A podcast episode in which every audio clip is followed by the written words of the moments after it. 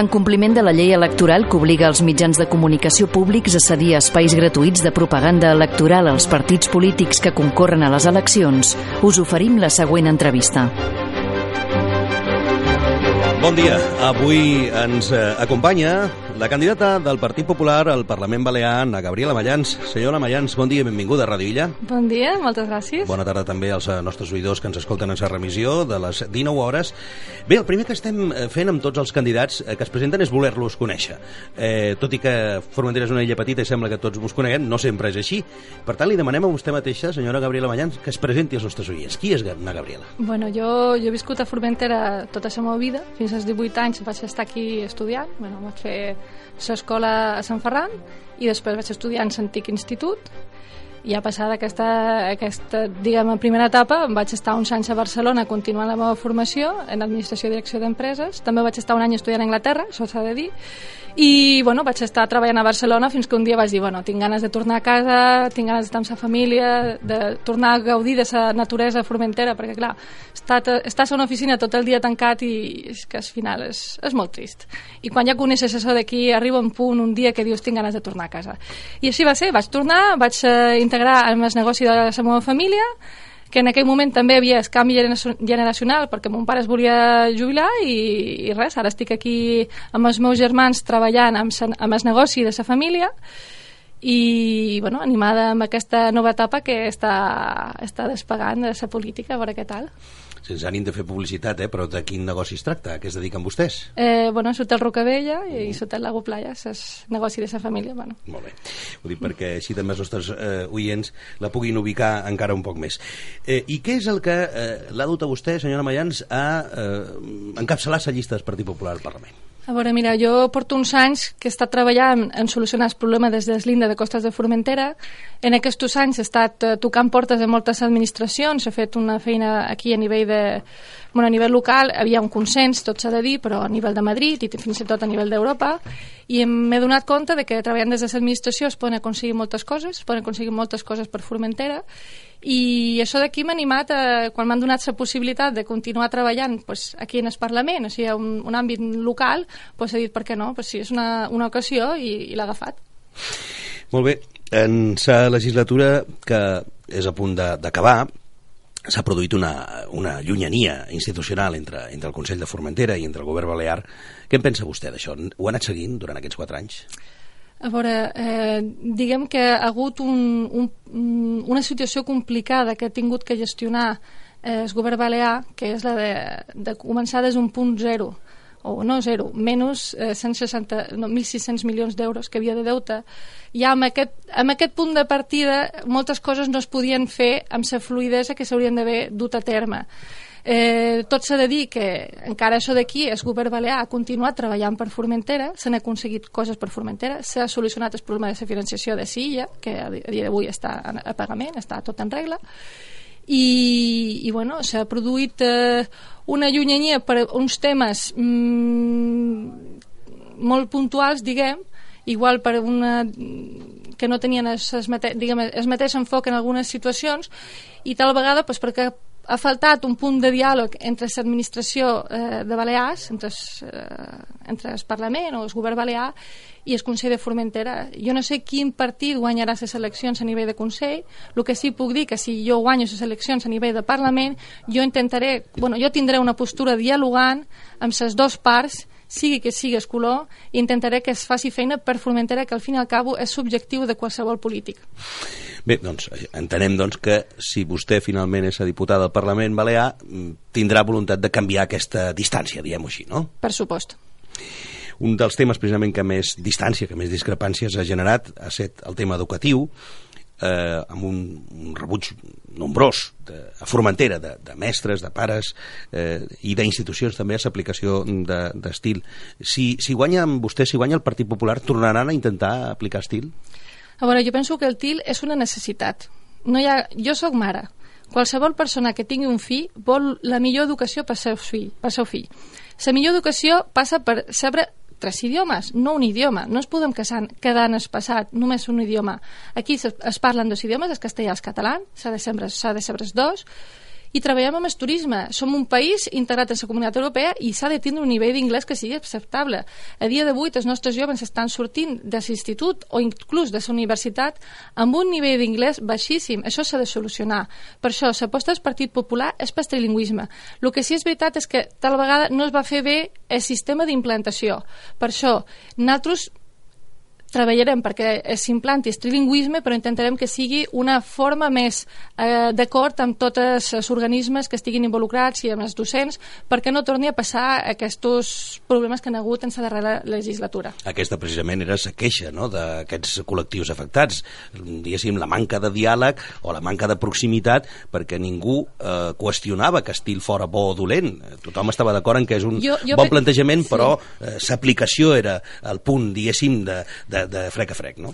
Jo penso que el govern balear tenia molt clar que s'havia d'implantar el trilingüisme mm. i ho va intentar fer eh, massa aviat, massa ràpid, sense fer aquestes consultes prèvies, sense arribar a un consens amb els, amb els instituts, amb els professors que al fin i al cap són els que han de fer la feina d'implantar el trilingüisme.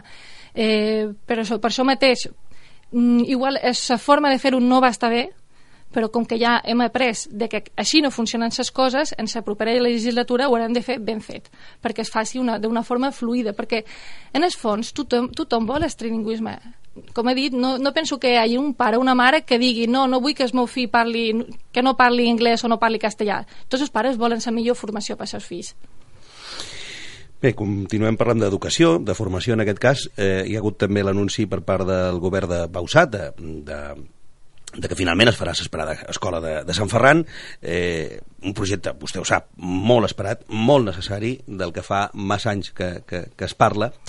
Eh, el que passa que aquest, aquest anunci ha arribat pocs dies abans de la convocatòria electoral eh, i ha estat molt criticat. No? Eh, digui'm una cosa, senyora Mayans, hi ha realment partida econòmica per a l'escola de Sant Ferran? Sí, la partida està aprovada, va aprovar pràcticament fa tres setmanes, és però una partida econòmica... Plurianual, plurianual dins sí, del pressupost plurianual, sí. Però no dins del pressupost de 2015. De 2015 només 20.000 euros perquè encara s'han de fer passos. Comencem des del punt, des del el punt de partida és que en aquest moment ni tan sols es podria fer l'escola mm. perquè hi ha una moratori des de gener de l'any passat amb tot el tema de cases castellones que no s'estan donant llicències d'obra majors ni segregacions, tampoc no s'està ferrent diguem, els cascos, eh, els nuclis de Formentera pel tema de la proximitat a les esglésies i això és el primer que s'haurà de resoldre, que no es farà aquest any tampoc perquè està aturat. O sigui, primer tenim que solucionar el problema de la moratòria urbanística que existeix i després començar amb l'escola.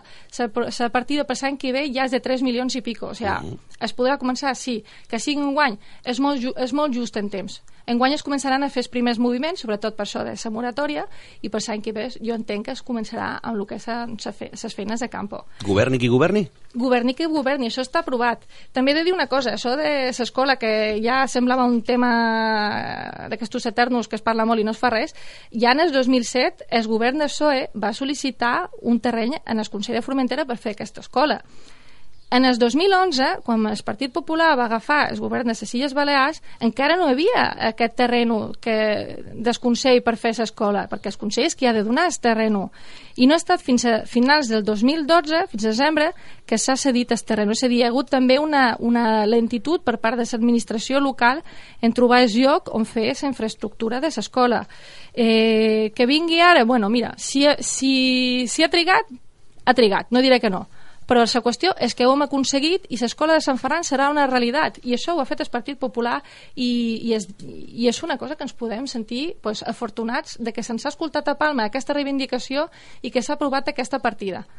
També un, aprofito per comentar una cosa, perquè jo sé que ha hagut uns anys de molts conflictes amb els professors, amb els temes de les retallades i tal, que justament ahir ho estava sentint en, en xerrada en l'altra entrevista, i aprofito per comentar una altra vegada que és que quan vàrem agafar el govern en el 2011 no havia diners en totes les administracions, com que havia aquest forat tan gran.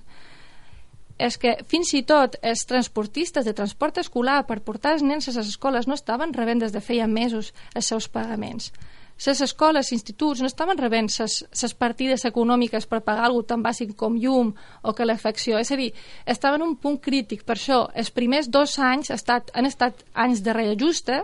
Això pues, eh, ha sentat mal també a, sa, a, a, a sa, el col·lectiu eh, educatiu, juntament amb estil, diguem, ha estat una bomba explosiva, però això era per una situació puntual que s'havia donat en l'inici. Jo penso que no existeix cap govern que li, agradi, que li agradi fer retallades, perquè sap que això són sempre antipopulars. I si es fan és perquè hi ha un motiu al darrere. S'està al dia, ara mateix? Que jo sàpiga, sí. En el seu programa electoral una de les, eh, diguéssim, grans apostes eh, són per el transport marítim. Un altre clàssic, també, si em permet, de les sí, campanyes Sí, aquí tenim un parell, un parell de clàssics, ja. Molt bé, molt bé. doncs expliqui'ns una mica què volen fer vostès amb això. Bueno, diversos, diversos punts. El primer, i, i sento ser passada amb aquest tema de, de com estàvem i com estem. Eh, a principis del 2012 sentíem en els, en els diaris que les companyies navieres aquí de, de Vice Formentera volien de deixar, deixar de, de pagar les bonificacions als residents perquè el govern els hi devia milions i no estaven els dies dels pagaments. Un altre, un altre motiu de, bueno, de lo que havia, des, del panorama que havia, no?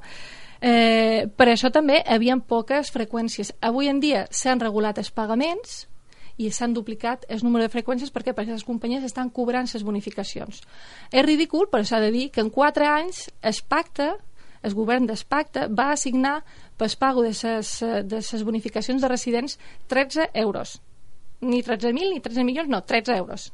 O sigui, una partida d'un euro, una partida de 5 euros, ja s'estava poble de Formentera. Això és ridícul. O sigui, tu, si tu has de fer, de fer enfront uns pagaments per les bonificacions, assigna una partida, no estaven assignant res, per no posar zero posaven pues, 2, 3 euros, una, una xifra ridícula. A dia d'avui s'han pagat les navieres, s'han regulat els pagaments, hi ha dins del pressupost per Balears per les bonificacions una partida de 8 milions i a més s'ha reconegut la reivindicació històrica del col·lectiu d'immigrants extracomunitaris de llarga duració que també tenen dret a tindre una bonificació per al seu transport i s'ha inclòs una partida de mig milió més per fer front a aquestes bonificacions dels extracomunitaris. És a dir, la situació a dia d'avui està regulada, S'ha de continuar treballant? Sí. Nosaltres volem aconseguir que hi hagi una o sigui, que es garanteixi la connectivitat entre els primers i darrers vols dels dies amb les barques a Formentera. I això serà un dels punts que nosaltres treballarem des del Partit Popular. També he de dir que ara, ara mateix s'està negociant un nou sistema de financiació amb el govern central i en aquest eh, nou sistema de financiació hi haurà una partida per transports, això és molt important perquè va començar eh, el president Bausà l'altre dia, això podria ajudar a arreglar el tema de les freqüències i connectivitat que estava parlant i fins i tot qui sap si podria ajudar a fer una reducció en els preus pels turistes en temporada baixa per incentivar el turisme a, temporada, a la temporada baixa. Continuem a la mà, senyora Mayans. Eh, què volen fer vostès per la protecció del medi marí i especialment per la protecció de la Posidònia? Nosaltres ja estem treballant per la protecció de la Posidònia. Quan vàrem arribar en el 2011 ens vàrem trobar que aquell any el govern s'havia oblidat de fer les licitacions de les boies ecològiques a l'espalmador i escaló de Soli. Això és molt greu, perquè no s'estava no protegint la Posidònia. Jo em recordo que va ser l'any que vam tindre aquí a Esturama, que vam tindre aquí totes les manifestacions amb Sataut, allà a Sant Francesc, allí de la Posidònia i tota la història, perquè no hi havia protecció. I nosaltres ens vam trobar amb aquest caos que tothom posava s'àmfora on volia perquè no havia ningú per dir aquí sí, aquí no. En aquest moment nosaltres ja hem fet una, una regulació, bueno, hem, hem, hem fet les licitacions de les empreses que, que ara es preocupen de, que, de les boies ecològiques en aquests dos punts, o sigui, això està regulat. Quan, vàrem, quan vàrem arribar faltaven més de 20 boies ecològiques que s'havien perdut perquè ningú li interessava, perquè com no s'estava cobrant, ara s'està cobrant, hi ha una empresa que dona servei, que cobra per servei i s'assegura de que estiguin eh, posant s'àmfora eh, en clan, en els llocs de, on no n'hi ha Posidònia i també se, se, es preocupen que si es perd alguna, alguna d'aquestes boies ecològiques de, de recuperar-la. Per altra banda, hem posat eh, dos efectius de navieres, dos, dos embarcacions petites, que estan a les pundelletes, estan dient en els barcos quan arriben a on han de fondejar i a on no es pot. Això no existia abans. I s'ha fet un acord amb Guàrdia Civil Marítima també, si hi ha un problema, que hi ha una coordinació entre les administracions marítimes per fer front a aquestes situacions si s'arriba a donar. Això és una situació que tenim ara, que està molt bé, però hem de continuar treballant. I ara pues, també, aprofito per comentar-ho, estem eh, fent la regulació de les LIC, que són eh, llocs d'interès comunitari, és una nova regulació que donarà també protecció a la Posidònia a altres indrets de Formentera on no n'hi havia, perquè abans només es protegia la zona d'Espruc, la zona d'Espart natural, i ara s'extendrà aquesta protecció a tota la illa. O sigui, és un pas endavant molt, molt gran. I això d'aquí eh, pues, ho, estem, ho estem regulant i si tot va bé pues, ho aprovarem a principis de l'estiu. Eh, aprofito també per dir que amb aquesta LIC, aquesta nova regulació, es prohibiran els partibors que tant, de, dels que tant s'han parlat. I, I nosaltres tenim també una proposta més, una proposta per illetes. Volia, volem cobrar una tassa a tots els barcos que, que facin es fondeu allí a illetes i amb aquesta tassa es podrà mm, d'alguna forma eh, costejar eh, posar més vigilància al rel de, de Silla per evitar que es, que es donin casos de fundejos il·legals a damunt la Posidònia. És a dir, nosaltres estem compromet, com, tenim un compromís de cuidar i de mantenir el nostre patrimoni natural a Formentera i en particular la Posidònia perquè, per la Posidònia perquè sabem lo important que és per les nostres aigües i per la nostra illa. Vol dir que vostès eh, el que proposen també és que hi hagi una vigilància eh, fora de lo que és únicament el parc natural, és a dir, a altres indrets de Formentera. Home, si, si aquesta tassa l'aconseguim implantar, hi haurà més diners i es podrà fer una, una vigilància major en altres punts de Silla, sí. Miri, li preguntaré també per dos classes, ja que estem encara en el medi marí. Eh, ampliació del port, sí o no? Eh, estany d'espès, regulació... Ampliació d'esport, bueno, jo diria reorganització d'esport. Ampliació, jo penso que no, perquè realment nosaltres a Formentera ja estem en el punt, jo penso màxim entrar més gent, tindre més tràfic, tindre més de tot a l'estiu, no sé si aportarà. Jo penso que ja en els mesos de juliol i agost més no pot quebre. O sigui, no penso que sigui un problema d'ampliació, és un problema de reorganització d'esport. Per exemple, doncs ara hi ha dos punts d'entrada de, de, de, de turisme, diguem així, doncs hem d'intentar que sigui tot en un punt per tindre un major control de, de qui entra i qui surt. Eh, per aquesta banda i per, per una altra banda dins d'esport s'han de donar serveis que no n'hi ha com els carritos aquests per portar les maletes perquè és ridícul pues, que a vegades venen famílies amb nens i és que t'han de cuidar dels nens han de portar les maletes i, i és que els hi falten mans o sigui, s'ha de donar un millor servei per turista en esport i l'altra pregunta era eh, estany d'espeix. Perdona, sí. Regulació, no? Sí, regulació. Nosaltres, de fet, ja ho hem dit aquesta setmana mateix, volem que es faci una regulació de, de l'estany d'espeix perquè és una història que es parla des de fa molt anys, nosaltres ja ho vàrem denunciar i ja ho vàrem comentar en el programa de les darreres eleccions, que es necessita regular la zona perquè hi ha un... Bueno, el que hi ha en l'estiu és, és impressionant, així n'hi ha més de mil embarcacions petites allí que fondegen sense cap tipus de control, es fan activitats com esquí aquàtic que està prohibit perquè és una zona protegida per Red Natura 2000 i, i per costes també, i, i és una situació, jo penso, insostenible. És, és, la flora i la fauna de l'estant d'espès ha quedat maltreta aquests anys, ha quedat molt danyada degut a aquesta falta de falta de control que, que n'hi ha a la zona. Nosaltres pensem que el que s'hauria de fer és un sistema mixt de fondeig. Per una part posaríem uns, pan, uns pantanals flotants i per altra banda eh, bolles ecològiques. Què aconseguiríem? Aconseguiríem eh, llevar totes aquestes barquetes petites eh, que hi ha a la vorera de mar, aconseguiríem també que la gent que ha d'anar amb, amb el barril de gasolina carregant el depòsit allí enmig de, del moviment de traquetreo de, de l'estany pues que es puguin fer des del pantanal amb, amb menys risc de contaminació de l'aigua i donaríem un control també a tota la zona perquè no facin activitats il·legals i perquè no entren embarcacions que no han d'entrar Bé, el proper dilluns hi ha un ple extraordinari al Consell per refusar el finançament de la promoció turística que ha ofert el govern balear a Formentera és un altre dels temes que ha distanciat aquestes dues institucions. Com ho pensen fer vostès si, si guanyen les eleccions? Bueno, el primer que he de dir eh, és que l'any 2011, quan vàrem arribar, ens vàrem trobar de que aquell any s'havien enviat cartes a, totes, a tots els consells que no hi hauria financiació per la promoció turística perquè no hi havia diners. O sigui, hem passat d'un punt que no n'hi havia diners a un punt tenim diners damunt la taula i estem negociant la partida. O sigui, és una bona diferència. Per una altra, per una altra banda, també, eh, en qüestió de traspàs de promoció turística, l'Estatut deia que s'havia traspassat, no s'havia traspassat, i nosaltres hem traspassat la promoció turística. És a dir, hi ha hagut un avanç, hi ha hagut una millora en aquest sentit. Es pot negociar, o sigui, s'ha de negociar, sí, es pot millorar? Jo penso que també. Quan? No ho sé. De totes maneres, també he de dir un tema. No són només els diners, sinó com s'empleen els diners.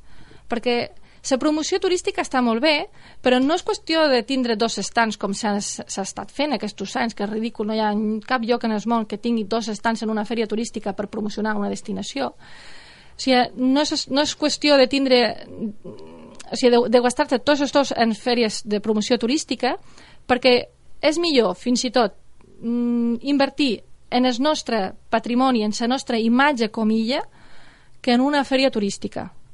A dia d'avui, una foto d'una paret de, de pedra pallessa, d'un camp de Formentera, en les xarxes a internet, dona més promoció que qualsevol estant a Berlín o a, o a Londres. Per què? Perquè hi ha, un, hi ha una globalització.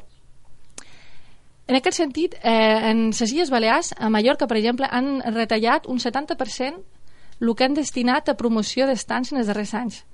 I han duplicat, bueno, duplicat no, no han duplicat, han millorat una quan, moltíssim sa, sa, el flux de turisme, han tingut una contrapartida molt més gran de turisme, encara que han tingut menys diners també per fer aquesta promoció. És a dir, no són només els diners, sinó com s'apliquen aquests diners, que estiguin ben aplicats, que siguin per, per mercats objectius, perquè jo sé que s'han estat fent promocions a llocs que no tenen vols directes amb Ibiza, això no té cap sentit. Hem de fer promocions a destinacions que tenen vols directes amb Ibiza o destinacions que estan properes a Ibiza en menys de 4 hores. No, no té sentit fer una promoció a un país que no, que no, que, que no, té, no té connectivitat amb la nostra illa, perquè estires diners. Sí, el que passa que quan un traspassa una competència la traspassa i per tant eh, el, el qui rep la competència és el qui decideix. Després, Evidentment. Després això, els, els ciutadans això, jutjaran si està bé o malament. Això, no? això és, una, és, una, és una opinió de com s'estan fent les coses. El que vull dir és que es poden millorar i, i això és l'opinió que jo estic tenint bé. sobre com s'estan fent les coses. Però en tot cas el que reclamava des de Formentera i també des del patronat, des del propi patronat de turisme, recolzava això, era que no s'estava d'acord amb, amb els percentatges. És a dir, eh, es, es deia des de Formentera que l'illa eh, més petita de les Balears sortia perjudicada pel tipus de percentatge que s'aplicava. Uh -huh. eh, jo, estic, jo estic d'acord que es pot millorar i si surto a les eleccions jo treballaré per millorar aquesta partida. És millorable, sí, però és un punt de partida, que abans no teníem aquest punt de partida. És a dir, tenim alguna sobre la taula de lo, de lo que parlar i de lo que negociar. Abans no n'hi havia res. Això és una gran diferència. Estem parlant amb Gabriela Mayans, la candidata del Partit Popular al Parlament Balear, en aquests espais gratuïts de propaganda electoral. Eh, tem vostè, senyora Mayans, que algunes d'aquestes eh, polítiques que han distanciat eh, doncs el govern Bausà de, de, de Formentera puguin perjudicar el, el resultat del Partit Popular a, a Formentera? Bueno, jo penso que aquí s'ha de mirar moltes coses. Eh, per una banda, no sempre el que es diu és exactament com es diu. Jo invito a la gent de Formentera a reflexionar el que ha fet el govern balear per Formentera en aquests anys, que no, que no, eren, o sigui, no era la mateixa formació i tanmateix s'ha treballat per Formentera s'ha aconseguit solucionar els problemes des l'INDE, s'ha aconseguit aquesta escola per Sant Ferran, i en aquests anys s'han aconseguit moltes coses per Formentera, com s'ha de la comunitat de regants, que ara s'han durat a terme també, i protegir la Posidònia. O sigui, s'han escoltat la veu de Formentera aquests anys. Jo em comprometo que si, que si surto jo continuaré treballant per intentar eh, solucionar problemes que estan reivindicats des de fa molt temps i intentaré que hi hagi una proximitat entre els consellers eh, i el govern balear però no m'ha contestat a la pregunta. Li he preguntat que si tem vostè que surtin perjudicats els resultats electorals del Partit Popular a Formentera. Això és una decisió que tindran, que, que, que tindran els ciutadans el dia 24. Això contestaria que no ho sé perquè és una decisió personal de cada persona. Vaig a, a repassar-li eh, a moda de curiositat eh, els resultats electorals del Partit Popular des que va concórrer a les primeres eleccions eh, i la seva evolució. Mm, a les eleccions, sempre parlem d'eleccions, en aquest cas municipals, i li parlo de percentatges, eh? no li parlo de nombre de consellers, perquè això també ha anat variant. 1983, un 40%, 1987, un 22%, 1991, un 29%, 1995, un 25, 1999, un 12, 2003 un 24, 2007 un 30, puja una mica, i 2011 un 34,66, en aquest cas eh, era el resultat de la de sa unió, diguéssim, de, de, de la coalició entre el Partit Popular i, i Esguif. No? eh, déu nhi eh? hi ha hagut molts salts aquí de, de, de percentatges, no? des d'un 40% inicial, al 1983, fins al 12%, o 13, gairebé 13% de 1999, o la recuperació del 2007 d'un 31%. Mira, eh, en aquests anys han canviat moltes coses i han canviat les persones que formen els partits també. Cada... Jo penso que cada vegada que hi ha unes eleccions es reflexa també quines persones estan estan representant el partit, perquè a Formentera ens coneixem tots. És a dir, no es, no es valora només el partit, és important que es valori el partit, és important que es valori la situació com està aquest partit dins de Balears i dins del país, el conjunt de, del país, perquè, clar, si hi ha una, un mateix color es poden aconseguir més coses que menys però també el poble de Formentera valora molt les persones que es presenten. Per això, canvia, en la meva opinió, canvia tant d'unes eleccions a altres, perquè depèn molt, molt dels candidats i els candidats van canviant.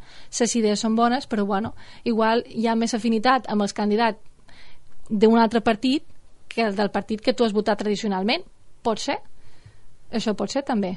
És a dir, el vot no és, no és, no és eh, algo que, no, que, no, que sigui inamovible. El vot ha de ser lliure ha de ser un vot que reflexi si tu estàs d'acord amb el programa que et presenten, si tu estàs d'acord amb, amb les persones que es presenten. És a dir, mmm, ningú està casat amb cap partit, penso jo, com votant. No seria bo, sinó que alguna persona ha de, ha de fer un jutjament com ho estan fent, com penso que faran jo, em donen confiança que aquests polítics penso que sí compliran la seva paraula o no així que jo mm, em sembla totalment raonable pues, que hi hagi tants de canviaments entre els percentatges, perquè tot evoluciona.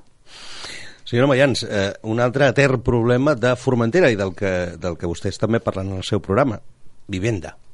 Sí, és un problema gravíssim aquí a Formentera. També a Eivissa també és un problema que està sortint ara també en els diaris darrerament eh, és un problema que s'està eternitzant. Nosaltres portem en el programa electoral uh, intentar solucionar-ho.